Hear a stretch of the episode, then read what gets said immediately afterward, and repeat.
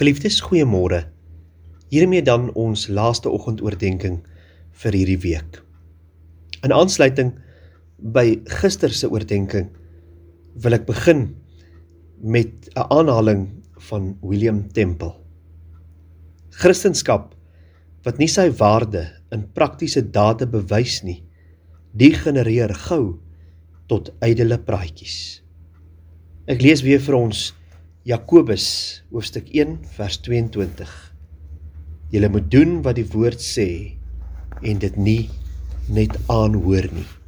Julle moet doen wat die woord sê en dit nie net aanhoor nie.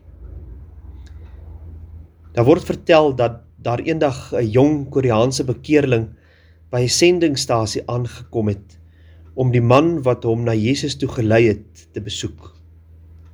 En toe die sendeling vra wat die rede vir sy besoek is, verduidelik hy: Ek het 'n Bybelgedeelte gememoriseer en ek wil dit graag vir jou opsê. Nou hiervoor het hierdie arme man honderde kilometers te voet afgelê, maar die sendeling het gaan sit en gaan luister.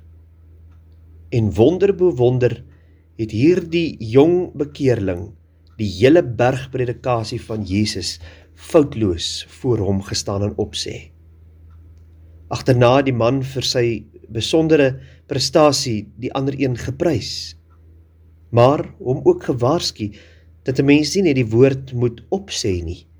Jy moet dit ook doen. Dit is wat die Jakobusbrief vir ons leer. Met 'n gelukkige glimlag het die man hom geantwoord: "O, maar dit het ek ook gedoen." Dis hoe ek hierdie hele teksgedeelte geleer het. Ek het dit net probeer memoriseer, maar dit wou nie in my geheue bly vassteek nie. Dis eers toe ek dit begin doen dat dit by my gebly het. Ek het die volgende plan in werking gestel.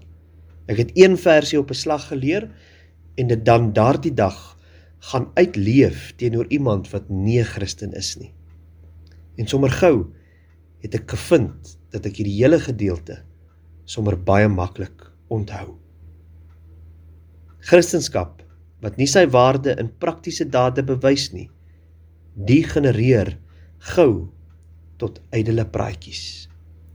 Mag ons ook gaan doen wat die woord van God sê, want daarin lê die krag van die koninkryk. Kom ons bid saam. Here ons Here, Help vir ons in hierdie dag in hierdie naweek om te doen wat u woord sê.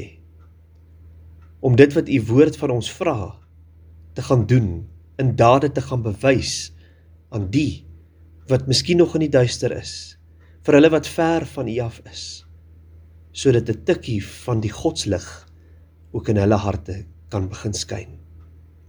Dankie vir hierdie week se oordeenkings. Dankie vir elkeen wat daarna geluister het. En mag dit ook 'n seën wees vir elkeen wat dit ook ter harte geneem het en daarvolgens gaan lewe. In Jesus naam alleen bid ons dit. Amen.